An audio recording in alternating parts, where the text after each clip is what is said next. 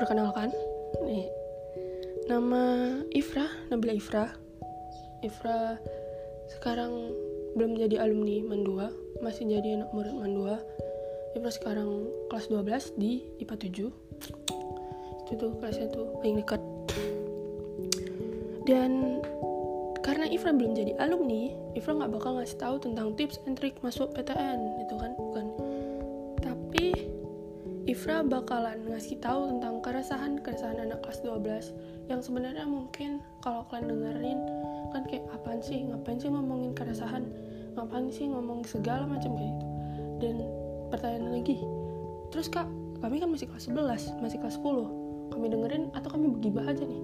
Lanjut atau kami dengerin atau nggak usah nih kak? Gitu kan ya itu pilihan masing-masing sih mau dengerin atau enggak tapi di sini juga bukan cuman Ifra juga bukan cuman mau ngomongin keresahan tentang yang Ifra bilang tapi Ifra juga ngomongin tentang bullying and how to make bullying not will be bullying gitu loh. Oke okay.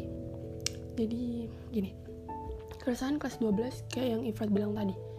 Serius lah aku tuh jujur ya Ifra tuh masih bocah cuy masih anak-anak Ifra umurnya sekarang masih 16 tahun. Ifra 2003 bulan 9 muka aku aja yang boros sekali wes. Betul ya iya. Cuman di sini karena Ifra udah kelas 12 orang nggak peduli mau kita tuh masih dewa udah mau kita tuh masih bocah udah dewasa atau belum. Yang penting orang tuh mau ketika udah kelas 12 kita harus bisa menentukan pilihan kita. Kita harus bisa eh, menentukan masa depan kita. Kita harus bisa apa ya dituntut untuk bisa lah gitu. Padahal sebenarnya ya it's hard man gitu. Dan e, waktu kayak gitu sebenarnya gini kita disuruh kan untuk menuntut masa apa untuk menentukan masa depan.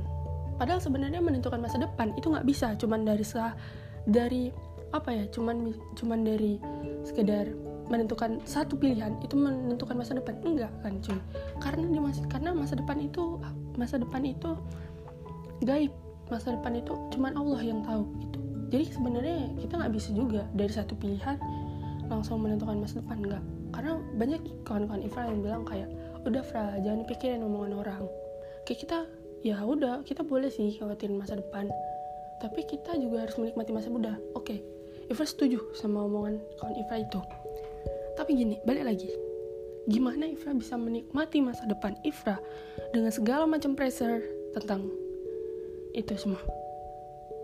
Nggak tahu mungkin sebagian orang bisa menjalani masa mudanya dengan baik-baik aja tapi masa depannya udah aman gitu loh menurut dia.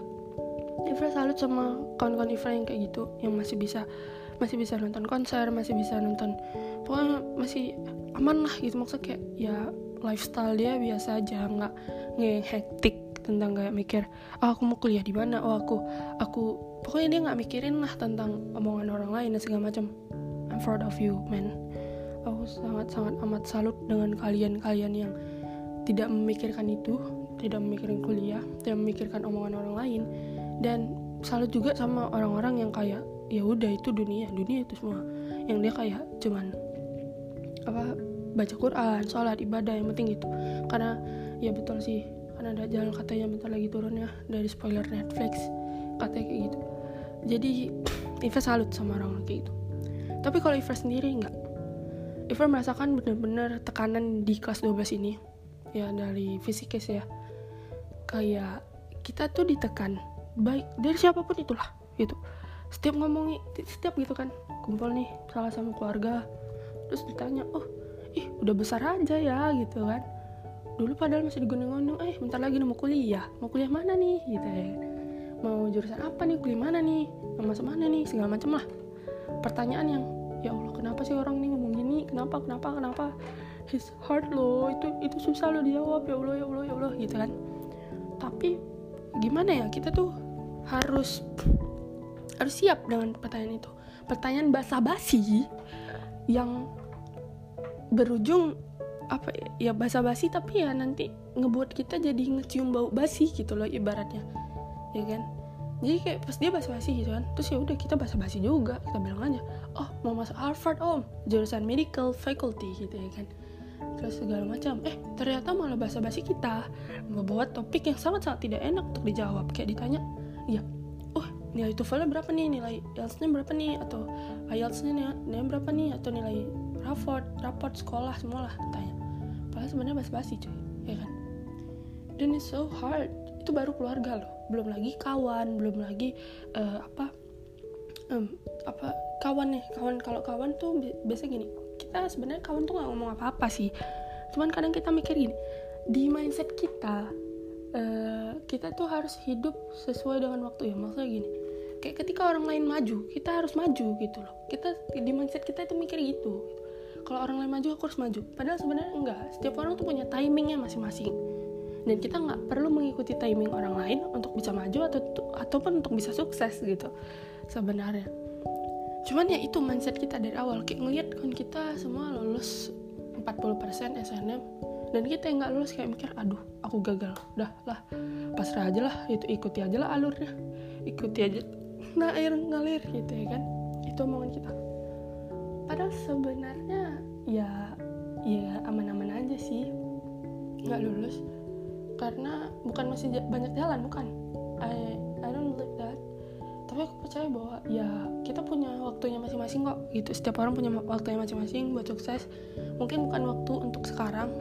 Mungkin tadi SPM atau kuliah atau kerja atau nanti ketika udah berkeluarga gitu. Banyaklah waktu-waktunya untuk sukses. Itu bukan dari kawannya dari keluarga udah dari kawan udah. Dari ini paling parah nih. Buat kalian-kalian yang masuk bimbel wow it's so hard man. Kayak kita tuh di pressure di apa ya pressure dari step-step step-step bimbel gitu loh kayak eh kalian tuh tahu nggak sih fakta pengangguran? Eh kalian tuh kalau nggak masuk sini nggak lulus loh. Jangan persaingan ketat loh segini segini segini anak Santo Thomas Sutomo nilai TO segini kalian nilai TO segini gitu. Kita terus dibanding-bandingkan sama manusia. Gak cuman sama ya staf-staf kantor tadi. Kita bakal dibanding-bandingkan sama semua orang. Semua orang itu sifatnya membandingkan menurut aku. Entah kenapa. Kita bakal dibandingkan. Bahkan mem dia mem dia rela gitu loh membandingkan diri dia sendiri dengan orang lain. Misalnya gini kayak ada orang ngomong gini eh kau tuh bodoh pau tolol mau jadi apa? Mau jadi sampah masyarakat gitu ya kan. Mau jadi apa? gitu. Pada dia membandingkan diri kita diri dia dengan diri kita gitu. Dia berkata bahwa kita tuh bodoh itu tolol gitu tuh pau gitu. Padahal sebenarnya ya enggak cuy. Emang kita harus percaya sama omongan dia? Enggak kan? Ibaratnya gini ini analogi yang paling sederhana dan yang paling benar-benar kayak wow gitu. Ini di pikiran aku sih pikiran Ifra ya ngebuat Ifra sekarang jadi kayak lebih bodoh amat tentang orang-orang yang kayak gitu. Mungkin pikiran Ifra ini harus di share supaya ya kalian yang merasakan kayak Ifra yang merasakan keresahan itu juga bisa sedikit tenang. Itu jadi apa analoginya? Jadi analoginya gini. Ibaratnya gini nih ada manusia yang ngomong ke ikan kayak gini kan kau tuh bodoh loh. Kau tuh nggak pandai berenang. Masa berenang kayak gini berenang tuh gini tahu? Berenang gini berenang gini gitu. Bukan gini. Apa berenang kayak gini? Kok berenang gini gitu ya kan? Pokoknya si manusia ini menyalahkan semuanya dari si ikan. Merasa bahwa si ikan ini nggak punya kemampuan berenang gitu. Terus si ikan ini ya ikan nggak pandai ngomong lah ikan ikan nggak pandai ngejawab lah. Jadi si ikan ini ya terus berenang aja sampai ke tepian. Berenang cari umpan cari makanan. Habis itu hidup tenang bahagia bersama keluarganya Finding Nemo ya kan? Uh, so, uh, jadi apa sih analoginya? Jadi analoginya tuh kayak gini. Pas manusia bilang kayak uh, apa namanya? Kan itu pandai berenang? Padahal si si ikan lagi berenang kan? Cuman si ikan berenang dengan caranya sendiri. Si ikan berenang kayak gini sedangkan manusia berenang kayak gini. Bukan berarti ketika ikan berenang dengan uh, bukan gayanya manusia ikan nggak pandai berenang bukan kan? Ikan pandai berenang kan? Bahkan dia lebih jago dari manusia. Yang ngomong tadi ya nggak? Ya kan? Iya. Cuman ya beda beda gaya berenangnya ya kan?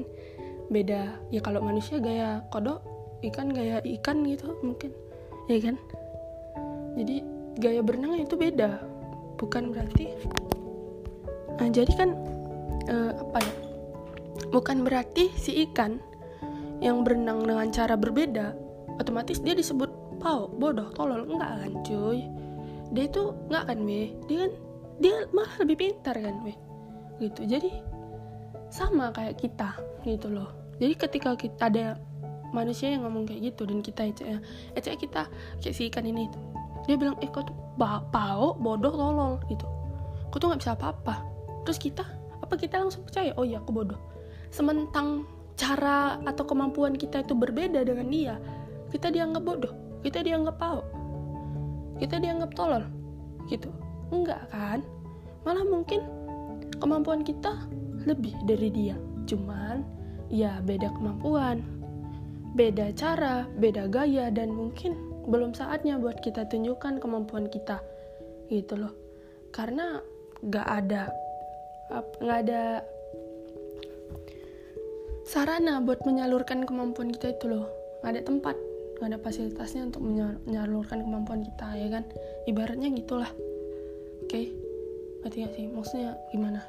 Ibaratnya gini, ya sama. Jadi nggak perlu kita percaya oh aku tuh bodoh aku tuh tolol nggak bisa jadi apa-apa jadi sampai masyarakat adalah aku di rumah aja rebahan main HP main Twitter main IG no gitu you can be the the biggest one the biggest the greatest ever gitu loh. Kau bak kau bisa jadi ciptaan terbaik gitu loh. Maksudnya kau tuh bisa jadi manusia yang terbaik loh gitu loh. Dari versimu sendiri bisa mem, mem, men, apa? Gitu bermanfaat bagi orang lain gitu. Gitu.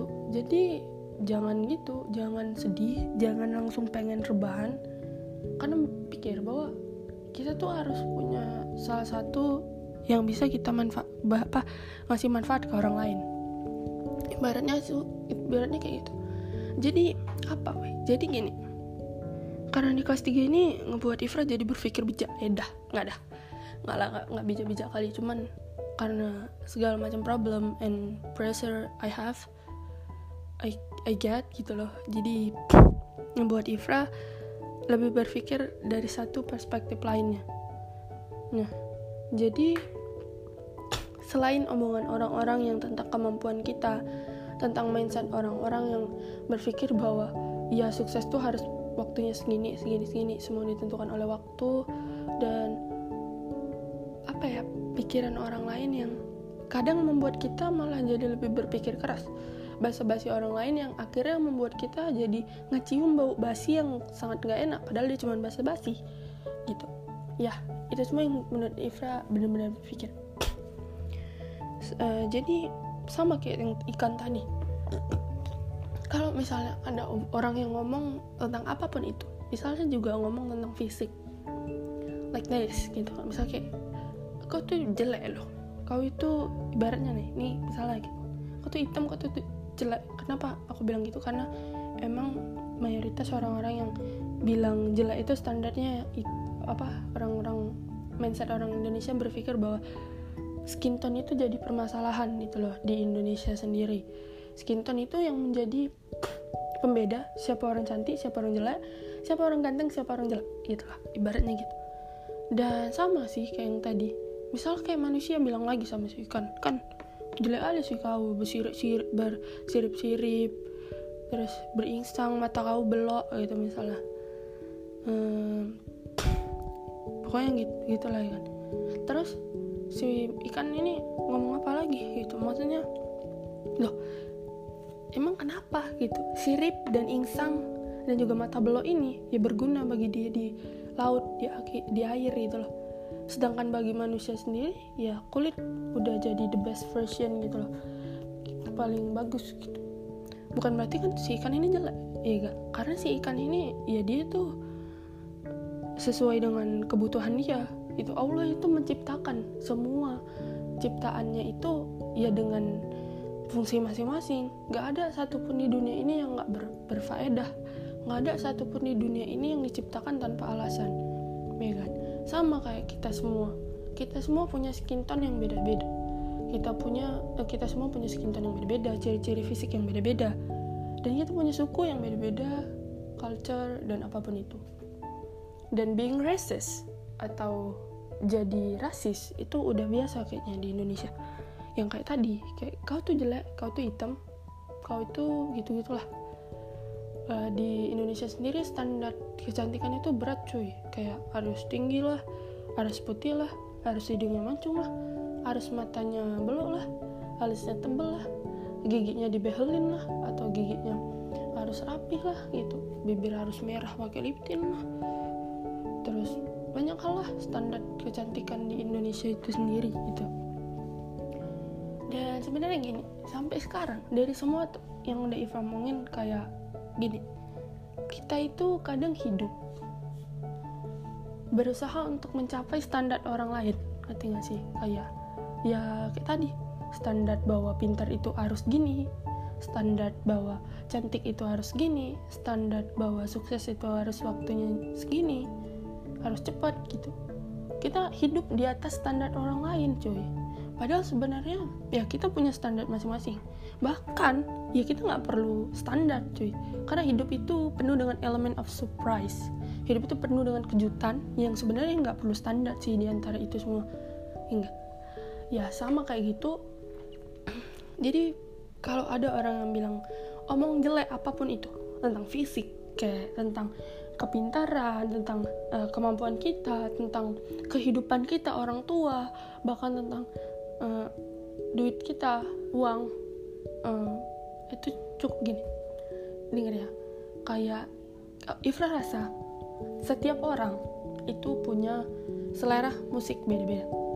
Sel dia punya selera pendengaran yang beda-beda ya gak sih? Ada yang suka Hindi ada yang suka India ada yang suka dangdut ada yang suka dangdut angkot ada yang suka jazz ada yang suka pop ada yang suka musik western or ada yang suka musik-musik 90-an bahkan ada yang nggak suka lagu ada yang suka dengar tilawah gitu ya kan murotal kan?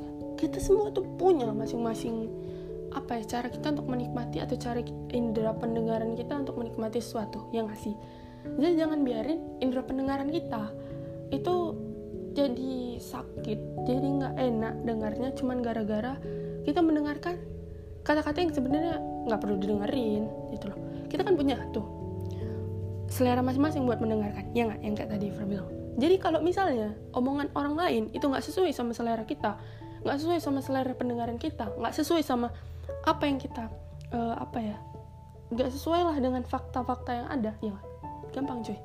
Nggak usah dengerin. Dan sebenarnya gini Fra kayak pasti pasti Fra bilang ini banyak orang yang dalam hati bilang Frah nggak segampang itu loh nggak segampang itu. Kayak diem aja nggak dengerin orang nggak segampang itu Frah gitu kan. Iya sih emang nggak segampang itu. Ketika kayak misalnya orang gibahin kita terus kita tiba-tiba dengar atau kayak ada orang yang belak-belakan ngomong ke kita dengan segala macam perspektif dia gitu kan. Memang nggak segampang itu buat cukup kayak nggak dengerin memang nggak gampang. Tapi pernah gak sih kita pikir kayak kenapa sih aku nggak bisa dengerin guru pas jelasin? Kenapa sih semuanya selalu masuk kan, kuping kanan keluar kuping kiri? Kenapa? Kalau menurut Ifra itu bisa terjadi karena kita nggak interesting ke situ. Karena kita nggak karena kita tuh nggak ada punya minat ke situ. Kita nggak suka apa sih ngomong apa sih nggak ngerti nggak jelas dah. Itu kita bobo lah itu kita tidur lah di kelas ya kan? Karena kita nggak ngerti karena kita nggak paham. Nah, sama kalau ada orang yang ngomongin nggak sesuai sama fakta tentang kita dia gibahin kita nih karena dia nggak kenal kita gitu kan. Dia gibahin segala macam tup tup tup tup tup. Terus satu eh denger. Ubah perspektifnya tentang yang kayak tadi bilang aja dalam hati aku nggak ngerti apaan sih ngomong apa sih? Aku nggak paham. Dan ya udah mending aku tidur aja. Tidur dalam artian gak usah dengerin. Ya udah masuk kuping kanan keluar kuping kiri karena sejatinya yang tahu kita tuh kita. Yang tahu kita tuh bandel atau enggak kita gitu. Itu kalau menurut Ivan. Jadi ketika ada orang yang ngomong nggak sesuai fakta nggak sesuai uh, tentang kita karena kita yang sebenarnya lebih tahu. Ya udah nggak usah dengerin. Perlu ada yang perlu memang kita filter oke okay, ini perlu nih didengerin. Perlu nih jadi introspeksi diri. Oke okay, besok aku lebih baik dari ini. Aku ubah dikit walaupun butuh perjuangan buat ngubahnya nggak apa-apa. Uh, ada yang perlu gituin tapi ada yang nggak perlu sama sekali untuk didengerin gitu. Jadi coba ditukar gitu loh antara kita kalau misalnya dengerin orang-orang gibahin kita anggap aja dia itu apa ya lagi ngomongin sesuatu yang susah buat dipahamin gitu. Berarti dia lagi ngomong bahasa planet kayak bahasa apa kayak gitu. Ibaratnya gitu aja. Pakai headset tutup selesai. Pakai earphone selesai gitu. Ibaratnya gitu. Mungkin susah untuk dilaksanakan ya untuk tidak mendengarkan orang lain. Tapi percayalah weh kalau kalian udah bisa nerapin itu. Ih sumpil. Hidup kalian enak aman tentram. Uh enak ali sumpah.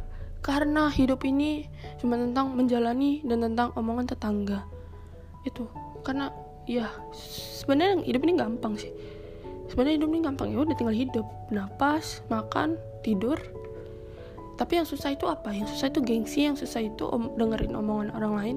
Tuh kalau menurut Ifra. Jadi pas uh, kayak tadi. Emang susah tapi nggak apa-apa. Harus dijalanin. Gitu. Jadi sebenarnya bersikap bodoh amat itu penting. Bersikap bodoh amat itu perlu. Karena gini dia siapa sih emangnya? Dia kenal kita baru tiga tahun loh. Dia kenal kita baru satu bulan loh gitu. Sedangkan kita yang udah 17 tahun udah 16 tahun hidup dengan nama yang udah diberikan orang tua emang kita mengenal diri kita secara pribadi emang kita kenal diri kita? Emang kita tahu jati diri kita apa? Belum tentu kan kita kenal sama diri kita sendiri. Kita yang udah 16 tahun udah 17 tahun. Hidup aja kita nggak kenal sebenarnya diri kita siapa. Ya kan? Aku siapa nih? Aku sebenarnya siapa? Aku siapa? Gitu kan? Jadi nggak usah terlalu didengerin. Apalagi dia nggak tahu fakta kita fakta tentang kita. Dia cuma tahu omongan dari uh, dari mulut-mulut orang lain yang ngomongin kita. Jadi nggak usah dengerin kali cuy. Cuy itu poin kedua. Poin ketiga adalah ya tadi bersikap bodo amat tuh penting. Selain dengerin tadi. Banyak orang yang bilang bahwa ya bodoh amat itu sama sekali nggak ada untungnya deh bagi di hidup kita bagi diri kita. Apalagi di mindset orang Indonesia yang berkata bahwa bodoh amat tuh sangat-sangat buruk gitu loh. Bodoh amat itu nggak penting. Kita tuh harus careless gitu loh. Kita harus perhatian kita harus peduli. Padahal sebenarnya nggak juga. Bodoh amat tuh penting cuy kalau kita ngelihat dari sisi-sisi yang memang harus dibodoh amatin kayak omongan orang lain kayak perlakuan orang lain yang memang harus dibodoh amatin. Dan ini semua kalau yang ini Ifra ngomong bukan berdasarkan perspektif Ifra aja. Tapi Ifra uh, ngomong tentang bodo amat ini Ifra baca dari buku itu judulnya sebuah seni untuk bersikap bodo amat karya Mark Mark, Mark apa lah itu. Kalau itu sebenarnya buku terjemahan. Dari di itu buku bahasa Inggris yang judulnya itu sangat-sangat amat yang judulnya itu kasar ya lumayan toxic judulnya. Tapi pas udah ditranslate ke Indonesia jadi judulnya seni untuk bersikap bodo amat yang ditulis oleh Mark itu. Nah jadi pas Iver baca itu betul-betul su itu betul-betul kayak stres hilang terus kayak mulai berpikir betul juga ya bodo amat itu sangat amat bodo amat itu penting untuk sesuatu yang penting untuk bodo amatin. Kayak misalnya orang-orang yang tadi yang ngomong tentang kita yang benci tentang kita. Sama kayak gini kalau misalnya ada yang benci sama kita kayak weh aku tuh dia tuh kita tahu kita dia benci sama kita. Ya udah ya ada yang perlu dengerin ada juga yang nggak perlu filter filter aja. Nggak perlu nggak perlu semuanya itu harus dipeduliin. Kenapa? Karena gini menurut Iva sendiri benci atau suka, tidak suka itu adalah opini orang lain tentang kita. Dan orang bisa gampang sih dengan gampangnya membenci kita 360 derajat padahal dulunya suka sama kita. Analogi gampangnya gini ibaratnya kalian punya pacar kalian ya bukan aku salah aku gak pernah pacaran. Jadi ibaratnya kalian punya pacar nih kita lah kita ya ibarat kita punya pacar ya. ibaratnya cuy ibarat bukan asli ya. Ibaratnya kita punya pacar. Terus pas awal PDKT uh sayang sayang. Uh sayang lagi apa? Sayang lagi makan ya? Sayang udah belajar belum? Sayang udah sholat belum? Gitu kan. Sayang sayang atit ya? Gitu ya kan. Terus eh beberapa bulan kemudian? Putus. Terus habis itu eh anak-anak kau gitu ya kan ngomong toxic semua. A B PK semua disebutin gitu ya kan. Segala ketoksikan itu disebut. Kebun binatang disebut. Kita pun digibahinya di tongkrongan dia ya kan. Artinya apa? Artinya dan waktu dia suka sama kita semua kebaikan kita tuh itu yang terlihat sama dia. Oh di di mata dia tuh kita cantik lah imut lah baik lah pinter lah apalah. Tapi pas dia udah nggak suka sama kita dia udah putus sama kita misalnya yang di pikiran dia sok cantik. Yang di pikiran apa? Sok pintar. Yang di pikirannya apa? Uh, sok bi uh, sok sok imut. Sok imo itulah yang di pikiran dia. Semuanya kayak gitu pikiran dia.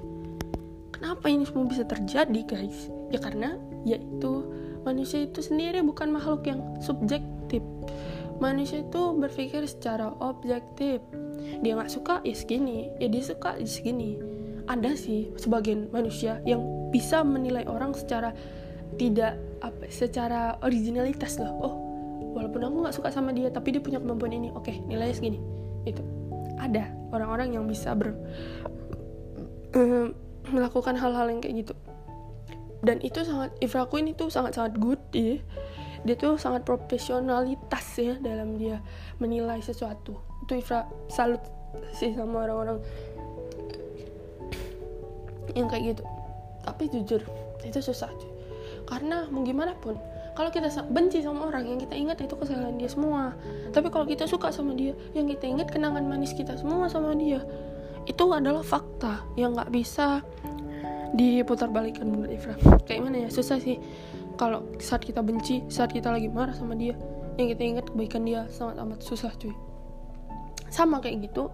Jadi kalau misalnya ada orang yang benci ada orang yang uh, benci sama kita ya bodo amat. Bodo amat aja maksudnya kayak ya udah gimana lagi?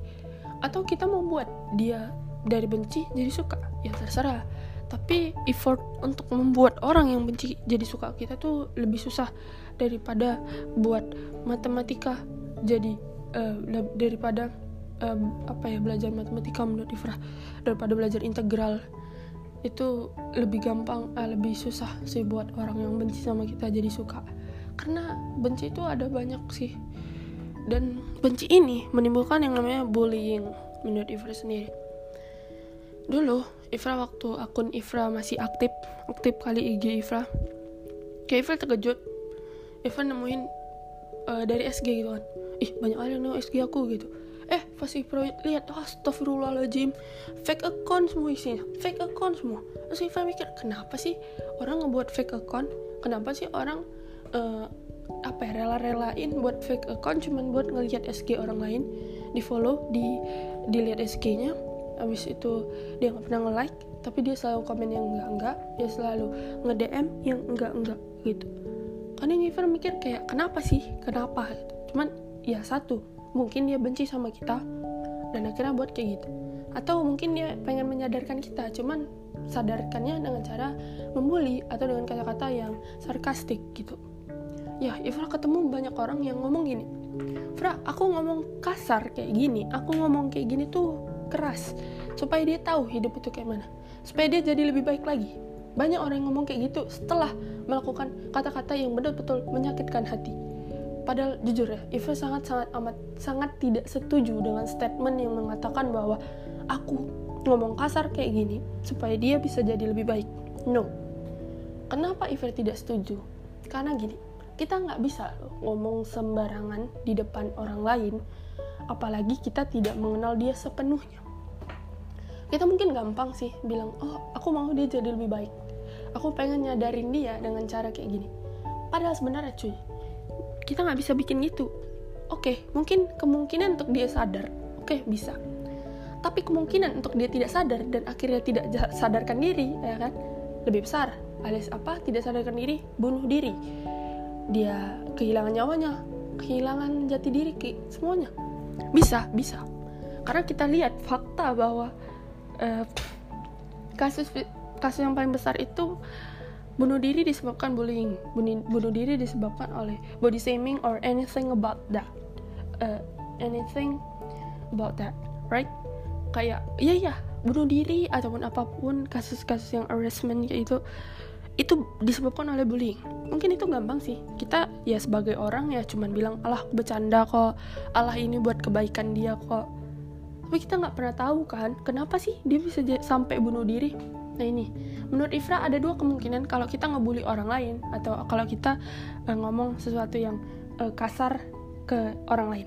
Ada dua. Yang pertama bisa jadi kemungkinan yang positif. Yang kedua bisa jadi kemungkinan yang negatif.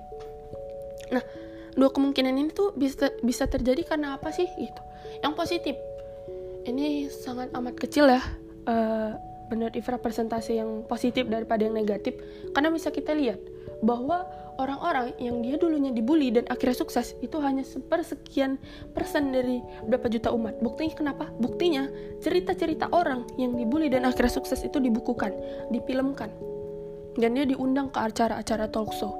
Kalau aja kemungkinan yang positif itu lebih besar, mungkin acara talk show ada penuh.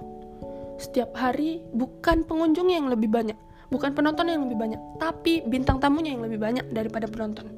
Itu kalau dia yang kemungkinan yang positif yang lebih besar daripada kemungkinan yang negatif. Tapi apa buktinya? Buktinya yang sukses gegara bullying itu sedikit presentasinya. Dan akhirnya cerita dibukukan, difilmkan dan akhirnya diundang ke acara-acara talk show kayak hitam putih ya kan? Ya kan? Kayak gitu. Padahal uh, sedangkan yang kemungkinan-kemungkinannya negatif itu berujung di mana? Kuburan. Berujung di mana? Masuk koran. Ya kan? Koran. Innalillahi wa inna ilaihi rajiun. Artis Korea meninggal dunia tahun segini-segini. Dikarenakan bullying, wafat di kecamatan gitu ya. Wafat gitu ya kan. Ya, lihat kan? Banyak kan?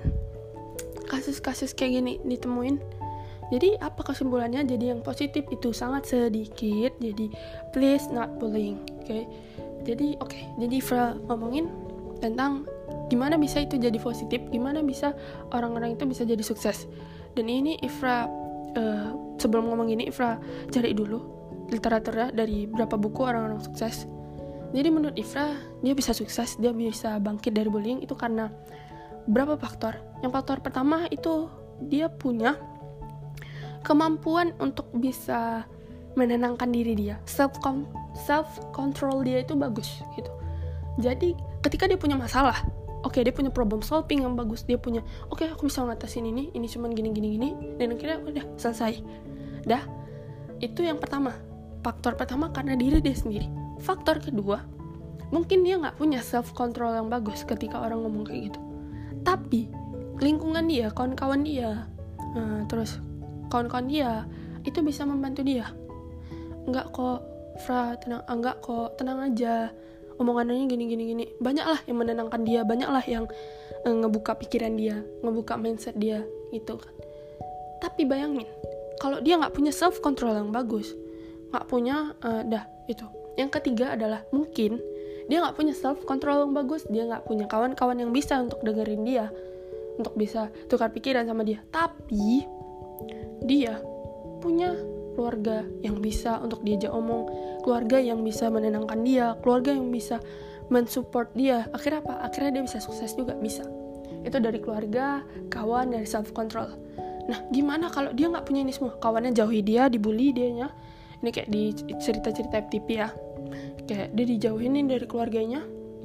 Dia eh, nggak uh, punya uh, kawan-kawan, keluarganya broken home, self controlnya kacau, dia nggak punya jati diri selalu sedih tekanan banyak tekanan gitu.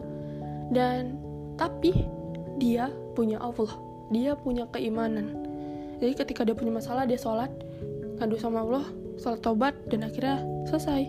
Dan akhirnya dia bisa menangani masalahnya. Akhirnya bangkit jadi lebih baik nah itu menurut Ifra faktor-faktor yang menyebabkan banyak orang-orang yang setelah dibully jadi sukses itu menurut Ifra dan uh, menurut buku-buku yang Ifra baca tapi bayangin, ketika orang-orang yang kena sama bullying ini, dia nggak punya self control yang bagus.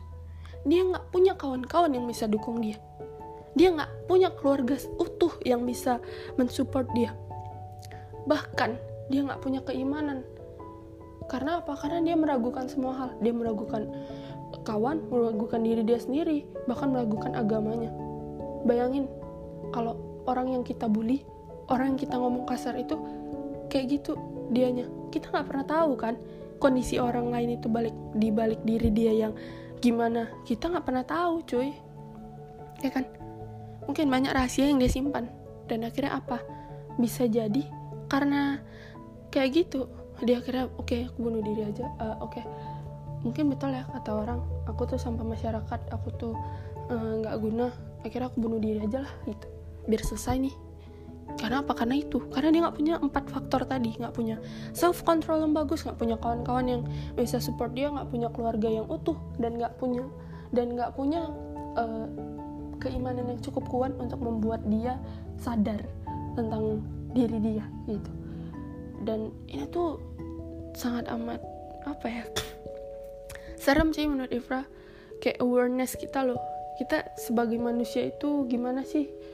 Kadang Ifra selalu mikir kayak kenapa sih itu yang kita setiap motivasi uh, kenapa sih kita itu cenderung lebih mengutamakan hasil kayak oh dia udah sukses nih oh dia dokter nih oh ini ini. Kita nggak pernah tahu kan dia itu gimana maksudnya apa pun itu. Kita tuh lebih cenderung untuk mendapatkan oke okay, aku harus dapat nilai segini harus dapat nilai segini harus pintar harus gini gitu. Kita lebih cenderung untuk tentang kayak gitu-gitu tentang kesuksesan tentang segala macam. Padahal sebenarnya kita pernah gak sih tentang berpikir kenapa ada apa sih diri aku? Kenapa sih aku ini uh, coba bicara dengan diri sendiri? Mungkin banyak sih yang nggak nggak pernah bahkan mengajak komunikasi diri dia sendiri. Nah gimana sih itu e, misalnya gampang sih kayak wah aku nih kenapa? Gitu oh aku nih uh, dia apa ya uh, pokoknya komunikasi lah sama diri dia diri sendiri. Kayak deep talk gitu tapi ke diri sendiri. Dan menurut Ifra itu cukup berfaedah sih. Jadi dari poin-poin tadi ya Ifra menemukan bahwa betul-betul sih kayak Ifra mikir yang kayak gitu-gitu itu cuma ada film. Padahal sebenarnya enggak. Di realita kehidupan juga kayak gitu cuman beda aja sih. Nggak sebesar nggak se apa ya nggak sedramatis kayak di film gitu kalau menurut Ifra. Tapi memang ada kayak gitu. Memang ada bullying dan segala macam. Jadi itu tadi kalau menurut jadi itu tadi ya. Jadi gini Ifra jujur ya Ifra pernah merasakan bullying. Ifra pernah di posisi-posisi yang menjadi korban bullying. Hmm, jadi pesan Ifra buat mungkin ya tapi Ifra percaya sih kalau di Mandua nggak ada yang namanya bullying ya kan ya kan nggak ada nggak ada. Bullying nggak ada paling labrak-labrakan aja labrak-labrakan itu ya kan biasa. Atau dari IG gitu jadi ini pesan Ifra buat yang menjadi korban. Jadi um, pertama tuh kayak tadi ya yang udah Ivra bilang. Kalau dia ngomong nggak sesuai sama selera pendengaran kita ya cukup biarin aja. Cukup masukin kuping kanan keluar kuping kiri. Toh dia nggak kenal kita sebenarnya siapa dan kita nggak perlu menjelaskan kita itu siapa ke dia. Karena dia nggak mau dengerin karena dia udah benci sama kita. Sama kayak gitu juga hmm, yang kedua itu yang tadi udah Ifra bilang untuk bersikap bodoh amat. Itu lumayan tergantungan ya. Terus yang ketiga yang kayak tadi Ifra bilang we must have a good self control and we must have a good a good religion relationship in Allah itu ya kita harus punya self control yang bagus kita harus bisa seenggaknya gini walaupun orang lain nggak ada yang bisa ngertiin kita tapi kita bisa ngertiin diri kita sendiri. Karena susah mungkin bagi orang lain untuk ngertiin kita apalagi kita yang nggak pernah cerita ke orang lain ya kan? Susah pasti bagi dia untuk ngertiin kita. Susah bagi orang-orang untuk mengerti kita karena kita nggak pernah cerita kita siapa. Tapi seenggaknya kita bisa ngertiin diri kita sendiri kan? Kita bisa punya self love sendiri kan? Jadi kalau kalian ngerasa nggak nyaman akan omongan orang lain percaya aja kalian tuh dikenal diri kalian. Kan itu udah tahu faktanya gimana. Kalian cintai aja diri kalian sendiri. Kalian self love kalian sayangin jadi lebih baik lagi. Gitu. Itu yang poin yang ketiga ya. Yang keempat menurut Ifra ya gimana pun itu kita tetap manusia. Mungkin yang kayak yang poin-poin yang udah Ifra sebutin tadi nggak semuanya bisa melaksanakan karena itu. Sangat-sangat hard menurut Ifra jadi kalau kita belum bisa bodo amat masih bisa masih dengerin apa kata orang lain. Dan kita nggak bisa curhat ke orang lain karena mungkin belum tentu semua orang itu peduli dengan kita. Mungkin aja dia cuma penasaran terus akhirnya kita dijadiin bahan gibahan juga sama dia. Mendingan gak usah cerita ke orang kalau itu berat dan itu tidak mungkin kan? Ifra punya tipsnya jadi sediain satu buku. Di satu buku ini bikin dua kolom kolom pertama berisi tentang ketakutan atau strip ya omongan orang lain yang kita dengar setiap harinya. Terus sebelahnya solusi. Jadi Ifra uh, oke okay, honestly Ifra buat itu di buku Ifra.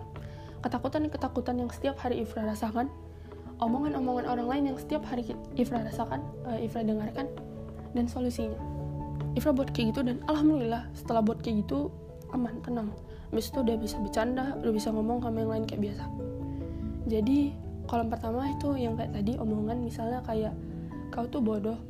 Berarti solusinya oke okay, aku harus belajar sesimpel itu sih. Tapi kalau bisa sespesifik mungkin ya misalnya kayak dia ngomongin tentang bodoh atau apa pokoknya tulis aja semua yang ada di pikiran kita.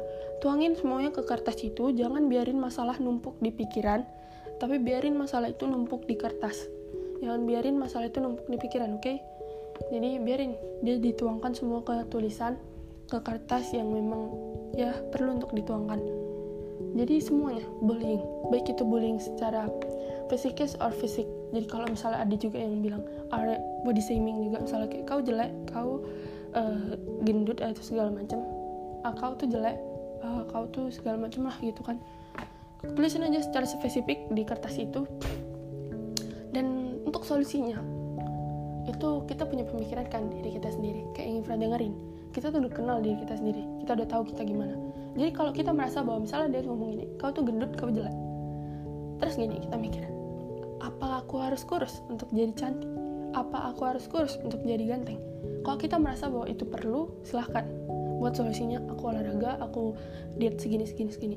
Aku puasa Senin Kamis misalnya atau apa terus terserah tapi kalau kita merasa bahwa enggak kok aku nyaman dengan menjadi dengan yang kayak gini aku nyaman sama diri aku. Orang jadi meluk aku jadi lebih enak gitu.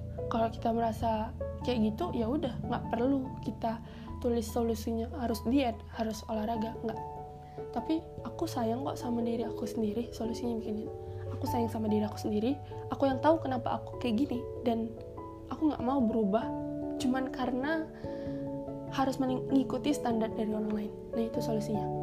Kalau menurut Ifra jadi nggak semua solusinya itu harus uh, apa segala macam. Itu kalau menurut Ifra jadi nggak sesimpel itu sih untuk mengubah orang lain. Nggak sesimpel itu kayak bilang Fra kau tuh salah loh. Masa kau bilang kayak gini gini gini? Ya masing-masing sendiri sih mau bilang itu salah ataupun enggak tapi kalau menurut Ifra ya gitu. Kita nggak bisa memaksakan diri kita untuk berubah sesuai kehendak orang lain, sesuai standar orang lain, tapi nyatanya menyiksa diri kita sendiri. No, jangan, jangan kayak gitu. Jadi pesan Ifra yang terakhir adalah cintai diri kita sendiri, bukan produk Indonesia. Cintai diri kita sendiri, sayangi, kenalin diri kita gimana, perbaikin dulu diri kita gimana, baru setelah itu kita boleh, baru setelah itu, iya. jadi jangan gampang untuk mencelah orang lain tapi coba perbaiki diri kita sendiri coba sibuin diri kita dengan sesuatu yang lebih kita suka lebih kita nyaman. Jalanin semuanya dengan uh, semangat yang kita mampu dengan kemampuan yang kita mampu tanpa harus mengikuti standar orang lain tanpa harus mengikuti timing orang lain oke? Okay? jadi gitu aja. Mungkin sekian dari Ifra ya. Lebih dan kurangnya mohon maaf. Dan untuk yang terakhir, kalau misalnya kata-kata Ifra dari tadi menyinggung ataupun kata-kata Ifra dari tadi tidak sesuai dengan pendapat kalian, yaitu silahkan bebas. Karena uh, yang dari tadi omong yang Ifra omongin berapa persennya adalah opini atau perspektif Ifra sendiri dan beberapa persennya ya Ifra baca dari buku-buku self improvement environment ya. Jadi ya silahkan untuk tidak setuju, silahkan untuk tidak sependapat karena itu pilihan jadi ya gitu terima kasih ya karena udah dengerin. Wassalamualaikum warahmatullahi uh, Ifra ini masih Ifra ini manusia biasa ya. Ifra juga masih kelas 12 belum sedewasa orang-orang lain. Uh, juga Ifra pokoknya Ifra ini banyak salah lah. Ifra juga belum dewasa belum sebijak. Orang yang harusnya memang bijak. Jadi mohon maaf ya. Sekali lagi kalau kata-katanya gimana gimana ya pada Allah Ifra mohon ampun wabillahi taufiq wal hidayah Wassalamualaikum warahmatullahi wabarakatuh.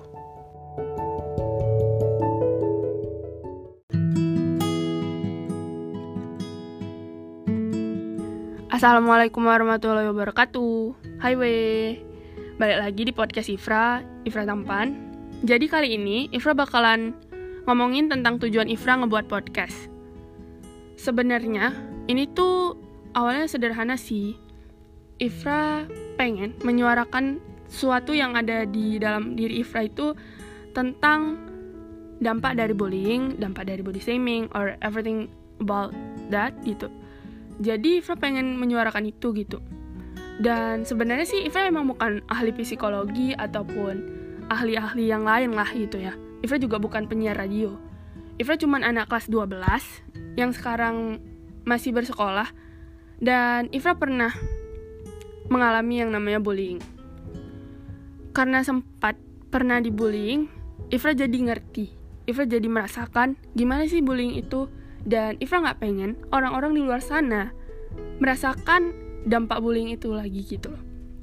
Karena Ifra ngeliat kayak banyak orang-orang di luar sana yang bunuh diri cuman gara-gara bullying. Yang akhirnya nggak bisa survive lagi gitu loh di kehidupannya. Padahal sebenarnya uh, kita bisa sih berusaha membantu orang lain merangkul orang yang udah kena bullying itu. Nah cuman kan Ifra nggak tahu tuh siapa siapa aja yang kena bullying siapa siapa aja yang pengen Ifra rangkul gitu. Jadi Ifra ngebuat podcast ini. Dan semoga kalian yang merasakan hal yang sama kayak Ifra bisa dapat titik terang, bisa lebih tenang lagi mungkin. Ya Ifra berharapnya gitu sih. Jadi Ifra berharap bahwa podcast ini tuh bisa berdampak baik gitu buat orang-orang yang merasakan apa yang Ifra rasakan. Dan Ifra concern ke situ aja sih. Ifra concern ke orang-orang yang emang pengen mau dengerin. Mungkin for the first time Ifra ngebuat podcast pasti ada dua respon ya kan ada respon positif dan ada juga yang responnya negatif. Cuman yang mau gimana? Emang kayak gitu kan kehidupan kayak ya suka ataupun nggak suka itu adalah opini orang lain. Dan kalau kita terus-terusan nggak mau berkarya cuman karena kita takut tentang kritik orang lain cuman takut karena omongan orang lain ya kita nggak bisa apa-apa. Kita diem aja cuy di rumah ya kan? Dan itu tuh sama sekali nggak mengembangkan diri kita ya nggak sih? Kayak Ifrat tuh suka ngelukis gitu kan dan pasti emang ada sih yang responnya positif, ada juga yang responnya negatif. Pokoknya apa pun yang Ifra buat, selama ini Ifra merasa bahwa ya ada respon positif dan ada yang respon negatif. Ada yang emang benci Ifra dari awal, jadi ya semua yang Ifra lakuin itu salah di mata dia, tapi ya nggak apa-apa. Karena kan itu hak semua orang untuk menyukai ataupun nggak menyukai. Jadi, Ifra berharap buat kalian-kalian semua yang suka sama podcast Ifra, dan bisa dengerin ini ya makasih banyak ya. Karena udah ngebuat Ifra semangat buat podcast. Oke okay? thank you. Bye bye